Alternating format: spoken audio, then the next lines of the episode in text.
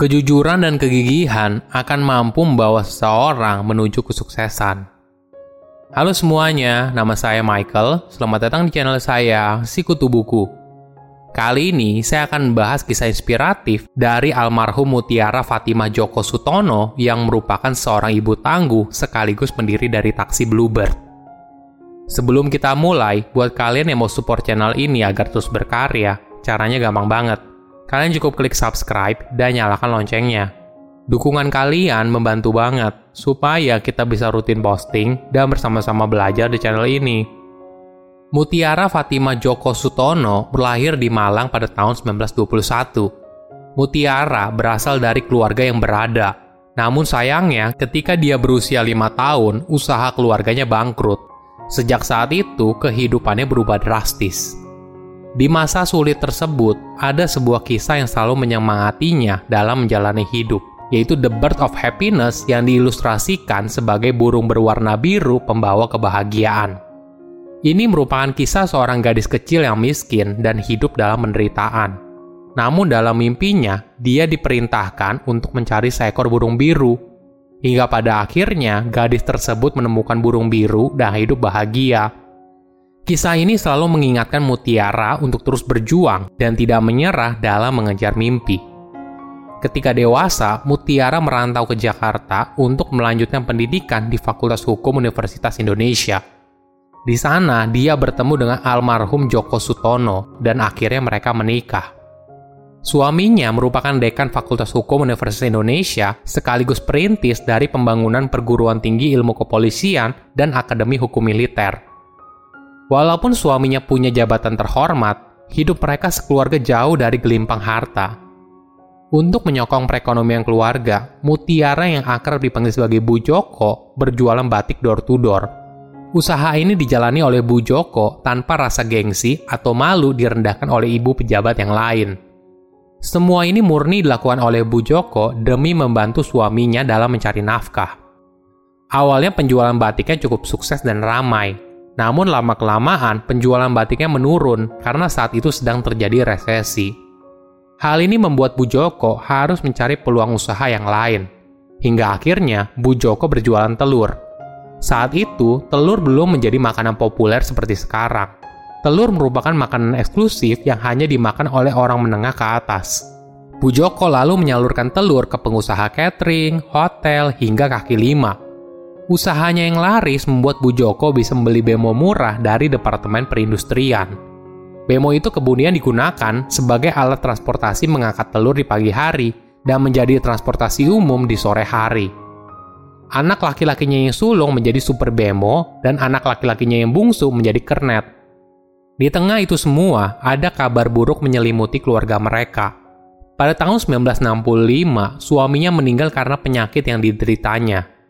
Bu Joko harus menjadi tulang punggung ekonomi keluarga dan membiayai pendidikan ketiga anaknya, Chandra Soeharto, Mintarsi Lestiani, dan Purnomo Prawiro. Chandra dan Mintarsi masih kuliah, sedangkan Purnomo berada di bangku SMA. Atas jasa suaminya semasa hidup, Perguruan Tinggi Ilmu Kepolisian dan Akademi Hukum Militer menghadiahi dua mobil bekas, yaitu sedan Opel dan Mercedes. Mendapatkan dua hadiah tersebut membuat Bu Joko berpikir keras. Hingga akhirnya tercetus sebuah ide untuk mengubah dua mobil tersebut menjadi taksi. Jadi, selain berjualan telur, Bu Joko juga akan menjalani bisnis taksi gelap. Maklum saja, pada masa itu belum ada izin resmi untuk angkutan taksi. Selain merekrut supir, kedua anak laki-lakinya yaitu Chandra dan Purnomo juga ikut menyupir. Taksi gelap ini akan bergerak setelah ada order lewat telepon ke rumah mereka. Semua yang ada di rumah harus siap menjadi operator telepon. Usaha taksi gelapnya pun sering kali dikenal sebagai nama Chandra Taksi. Hal ini disebabkan karena seringnya Chandra ditugaskan untuk menerima telepon dari pelanggan. Dari situ, usahanya semakin besar dan ramai. Pada tahun 1970-an, Gubernur DKI Jakarta pada masa itu mengumumkan kalau Jakarta akan memperlakukan izin resmi bagi angkutan taksi. Hal ini tentu saja kabar yang gembira. Bu Joko lalu segera mengurus izinnya ke DLL AJR. Namun sayangnya permintaan dia ditolak. DLL AJR beralasan kalau bisnis Bu Joko terlalu kecil karena syaratnya pada masa itu harus memiliki armada minimal 100 taksi, sedangkan Bu Joko hanya memiliki 60 unit. Hal ini tidak mengecilkan semangat Bu Joko. Dia kembali memutar otaknya dengan keras. Hingga suatu hari, Bu Joko bertemu dengan mantan murid suaminya yang bekerja di Bank Bumi Daya. Kemudian dia memberikan kartu nama. Dari sebuah kartu nama tersebut, akhirnya Bu Joko berhasil mendapatkan pinjaman ke bank untuk menambah jumlah armadanya. Hingga akhirnya izin taksinya pun turun. Ini merupakan momen yang sangat membahagiakan. Akhirnya usaha taksi yang dimiliki oleh Bu Joko diakui dan resmi dalam hal legalitasnya. Hingga tiba saatnya untuk memberikan sebuah nama bagi bisnis tersebut. Bu Joko pun berdiskusi dengan anak-anaknya. Hingga akhirnya Bu Joko memberikan nama usahanya sebagai Bluebird, yang artinya burung biru. Nama ini berasal dari sebuah dongeng di Eropa yang pernah didengar kisahnya saat Bu Joko tinggal di Belanda. Dongeng tersebut memiliki pesan kalau semua keinginan dapat dicapai melalui kerja keras dan kejujuran. Dalam menjalankan bisnis, Bu Joko sangat menekankan pentingnya kejujuran. Ada sebuah kisah yang menarik soal kejujuran. Suatu hari ketika sehabis menarik taksi hingga tengah malam, Purnomo memberitahu ibunya kalau ada dompet yang tertinggal. Ibunya langsung minta Purnomo mengembalikan dompetnya saat itu juga. Awalnya Purnomo menolak karena sudah sangat larut malam dan badannya sudah capek habis seharian bekerja. Purnomo bilang kalau besok pagi dia akan mengantarnya ke rumah penumpang tersebut.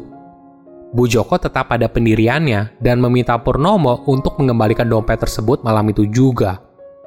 Bu Joko berargumen, coba bayangkan hal tersebut terjadi pada dirimu. Sehabis menerima gaji, Terus ternyata dompet yang berisi uang tersebut tertinggal di taksi. Pasti kamu gelisah, sedih, panik, dan bingung. Makanya, lebih baik kembalikan malam ini juga agar penumpang tersebut tenang. Mendengar hal tersebut, akhirnya Purnomo memacu kembali taksinya dan kembali ke rumah penumpang tersebut untuk mengembalikan dompet yang tertinggal. Ini adalah contoh kejujuran yang selalu dijunjung tinggi oleh Bu Joko dan menjadi salah satu nilai yang dipegang erat oleh Bluebird. Nilai lain yang selalu dianut oleh Bu Joko adalah soal memberikan layanan terbaik.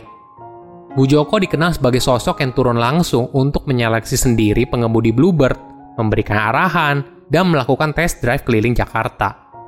Bukan cuma pelayanan terbaik melalui supirnya, tapi sejak resmi meluncur, Bluebird juga merupakan taksi pertama yang menggunakan sistem argumeter. Artinya, konsumen membayar berdasarkan harga per kilometer, bukan berdasarkan kesepakatan antara supir dan penumpang. Perhitungan tarif ini awalnya menjadi momok dan mimpi di siang bolong. Namun semua itu tidak terbukti. Maklum saja, para pelanggan awalnya takut tarif yang mereka bayar di akhir perjalanan malah terlalu tinggi. Namun semua hal itu tidak terbukti. Ternyata sistem ini merupakan hal yang lebih adil antara supir dan penumpang, sehingga penumpang lebih memilih taksi Bluebird dibandingkan dengan taksi lainnya. Di tengah kesulitan hidup, kita harus terus berjuang dan tidak menyerah semua kerja keras kita niscaya akan terbayar lunas di masa depan. Silahkan komen di kolom komentar pelajaran apa yang kalian dapat ketika tahu informasi ini. Selain itu, komen juga mau tahu informasi apa lagi yang saya review di video berikutnya. Saya undur diri, jangan lupa subscribe channel YouTube Sikutu Buku. Bye bye.